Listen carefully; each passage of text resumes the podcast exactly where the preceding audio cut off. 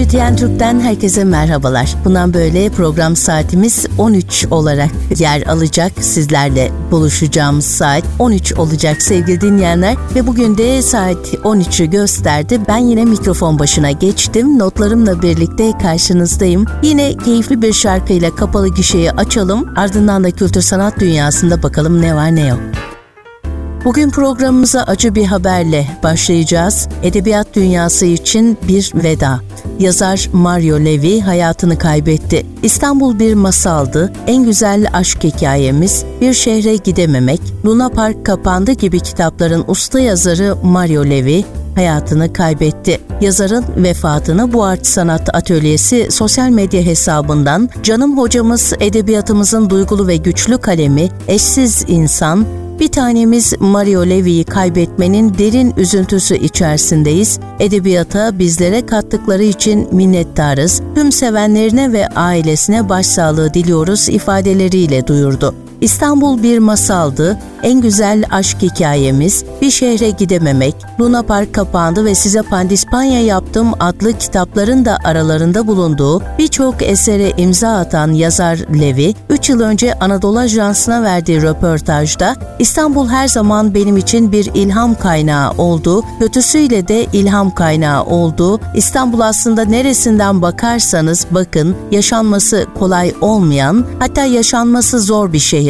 Tarihin bıraktığı izler yüzünden de öyle. Bugün açısından da öyle ifadelerini kullandı. Peki Mario Levi kimdir? Mario Levi 1957 yılında İstanbul'da doğdu sevgili dinleyenler. 1975 yılında Saint Michel Fransız Lisesi'nden, 1980 yılında İstanbul Üniversitesi Fransız ve Roman Filolojisinden mezun oldu. İlk öyküsünü 1975'te kaleme aldı. 1984 yılından sonra Hokka dergisi, Şalom, Cumhuriyet Gazetesi, Cumhuriyet Dergi, Stüdyo İmge, Gösteri, Milliyet Sanat, Argos ve Oksijen gibi birçok yayın organında yazılar yazdı.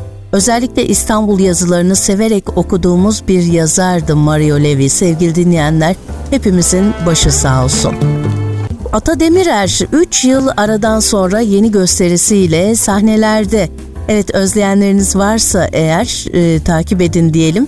Komedyen, oyuncu ve müzisyen Ata Demirer 3 yıl aranın ardından Atademirer Gazinosu adlı gösterisiyle 16 Şubat'ta izleyicilerle buluşacak. Türk sanat müziğinden operaya, türküden pop müziğine, tavernadan arabeske kadar geniş bir repertuar ve stand-up gösterisiyle sahneye çıkacak olan Demirer'e müzisyen Taşkın Sabah yönetimindeki orkestra eşlik edecek. Atademirer daha önce tek kişilik dev kadro 1 ve tek kişilik dev kadro 2 adlı stand-up gösterisiyle de 16 yıla yakın seyirci karşısına çıkmıştır çıkmıştı. Atademirer Gazinosu'nun ilk etkinliği 16 Şubat'ta Zorlu Performans Sanatları Merkezi'nde gerçekleştirilecek. Demirer ardından 22 Şubat ve 15 Mart'ta Zorlu PSM'de, 20 Mart'ta Bostancı Gösteri Merkezi'nde, 1 Nisan'da Zorlu PSM'de, 22 ve 23 Mart'ta ise Ankara Kongresyum'da sahne alacak. Türkiye'den yurt dışına kaçırılan tarihi eserler 2023'te de ait olduğu topraklara dönmeye devam etti. Amerika Birleşik Devletleri, Almanya, İtalya yıl boyunca dünyanın dört bir yanındaki ülkelerden 3018 eser Türkiye'ye getirildi sevgili dinleyenler. Yüzyıllarca pek çok uygarlık Anadolu'da yeşerdi. Tüm bu uygarlıkların mirası Anadolu'ya arkeolojik açıdan büyük bir zenginlik kattı. O günlerin izlerini taşıyan tarihi mirasların kimi Türkiye'nin dört bir yanındaki müzelerde sergilenirken, kimi ise halen süren kazı çalışmalarıyla gün yüzüne çıkartılıyor. Bir de ait olduğu Anadolu topraklarından kopartılarak yurt dışına kaçırılan eserler bulunuyor. İşte Kültür ve Turizm Bakanlığı'na bağlı Kültür Varlıkları ve Müzeler Genel Müdürlüğü, yıllardır yasa dışı yollarla kaçırılan bu eserlerin Türkiye'ye getirilmesi için büyük bir mücadele veriyor. Yapılan sıkı takip ve çalışmalar sayesinde binlerce eser Türkiye'ye getirildi.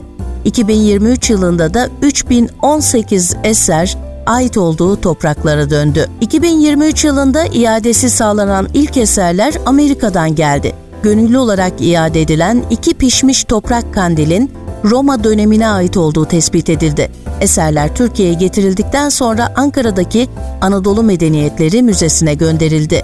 Amerika'dan iadesi sağlanan bronz kılıç M.Ö. 2000'in sonuna tarihlendiği tespit edildi. 60 santim uzunluğunda ve 7,5 santim genişliğindeki kılıç Türkiye'ye getirildikten sonra Anadolu Medeniyetleri Müzesi'nde koruma altına alındı. 2023 yılı içinde Amerika'dan 12 eser daha ait olduğu topraklara getirildi. Bu eserlerin kaçak kazılarla bulunarak uzun yıllar önce yurt dışına çıkarıldığı tespit edilmişti. Her biri birbirinden özel eserlerden bazıları şöyle. Milattan önce 6000'e ait Konya Çatalhöyük kökenli ana tanrıça heykelci. Önce 6000'e ait Burdur Hacılar kökenli bir ana tanrıça heykelci. Önce 5000'e ait bütün halde korunmuş İlya tipi bir idol. Önce 2000'e ait Doğu Anadolu yayla kültürüne ait bir vazo.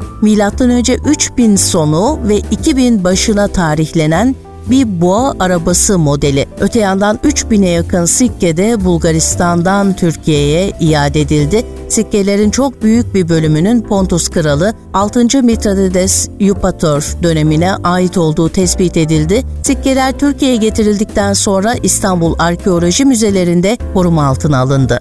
Antalya Devlet Opera ve Balesi Şekeronya oyununu sahneleyecek sevgili dinleyenler. Antalya Devlet Opera ve Balesi yarı yıl tatilinde çocukların keyifli vakit geçirmeleri için Şekeronya isimli müzikli çocuk oyununu 1 Şubat'ta beğeniye sunacak. Dolayısıyla izlemenizi öneririz. Antalya'dan dinleyen dinleyicilerimiz için Devlet Opera ve Balesi'nden yapılan açıklamaya göre Zeynep Ergüven'in yazdığı, müzikleri Murat Cem Orhan'a ait eser Fatih Şanal tarafından sahneye koyuluyor. Eserin dekor tasarımı Ömer Gündüz'e, kostüm tasarımı Zekiye Şimşek'e, ışık tasarımı Mustafa Eski ve koreografisi de Melda Özkan imzasını taşıyor. Oyunda ülkesinden kaçan Şekeronya'nın haylaz çocuğu Fırıldağ'ın eve dönüş hikayesi anlatılıyor.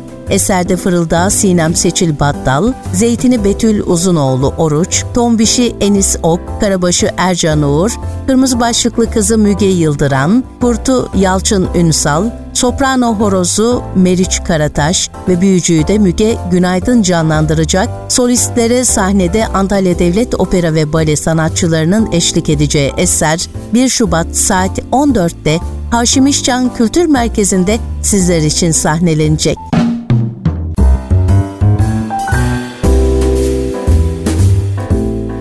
Ve Notre Dame'ın Kamburu Balesi yeniden sahnede. Çingene kızı Esmeralda ile Kambur Kilise zangocu Quasimodo'nun aşkını anlatan Notre Dame'ın Kamburu Balesi İzmir Devlet Opera ve Balesi tarafından Şubat ve Mart aylarında yeniden sahneleniyor. İzmir Devlet Opera ve Balesi'nden yapılan bir açıklama şöyle, 3 sezondur seyirciyle buluşan ve beğeni toplayan Notre Dame'ın Kamburu Balesi, Victor Hugo'nun aynı adlı romanından esinlenerek sahneye uyarlandı. Balenin müziklerine Pugni, müzik düzenlemesine Hoynik imza attı. Notre Dame'ın Kamburu Balesi'nin koreografisi ve librettosunu ise Göksel Armağan Davran'la Ahmet Volkan Ersoy hazırladılar. Orkestra şefinin Tolga Taviş olduğu eserde dekor tasarımını Çağda Çitkaya, kostüm tasarımını ise Gülay Korkut üstlendi. Eserde birçok fiziksel eksikliğe ve çirkinliğe sahip olmasıyla karakterize edilen Zangoç Quasimodo'nun 3 saat süren makyajı ve eserin dönemine uygun görkemli dekorları da izleyicinin beğenisine sunulacak. Notre Dame'ın kamburu 1, 3, 6, 8, 10 Şubat ve 2, 4, 6 Mart'ta Bornova Kültür ve Sanat Merkezi Necdet Aydın sahnesinde izlenebilecek. İzmir'den dinleyen dinleyicilerimize duyurulur. Ve Majestic bugünün oyunu sevgili dinleyenler Yine İzmir Devlet Tiyatrosu yapımı olan Majestic oyunu 1 saat 40 dakika sürüyor tek perdelik bir oyun. Peter Quilter'ın yazdığı Majestic oyununda oyuncu kadrosunda Nurten Pelin Toz Koparan, Şebnem Elif Özdemir, Gülistan Şerife Ünsal Şenel, Betül Fulya Atatoprak, Arzu İrem Ölmez Yurdakul, Kemal Salih Köküz ve Serap Aşkım Tuncer oynamışlar. Geçirdiği kalp krizi sonucu hastaneye kaldırılan Hikmet Bey yoğun bakıma girmeden önce kızı Şebnem'e bir vasiyette bulunur. Majestik Tiyatrosu'nun eski görkemine kavuşup yeniden açılmasını istemektedir. Bunun için de bu tiyatroyu seven ve emeği geçen beş kadına güvenir. Onların el ele verip işbirliği yapmalarını ister. Birbirinden farklı bu beş kadın Majestik Tiyatrosu'nu yeniden açmak için büyük bir maceraya atılırlar. İzmir'de Konak sahnesinde sahnelenen Majestik oyunu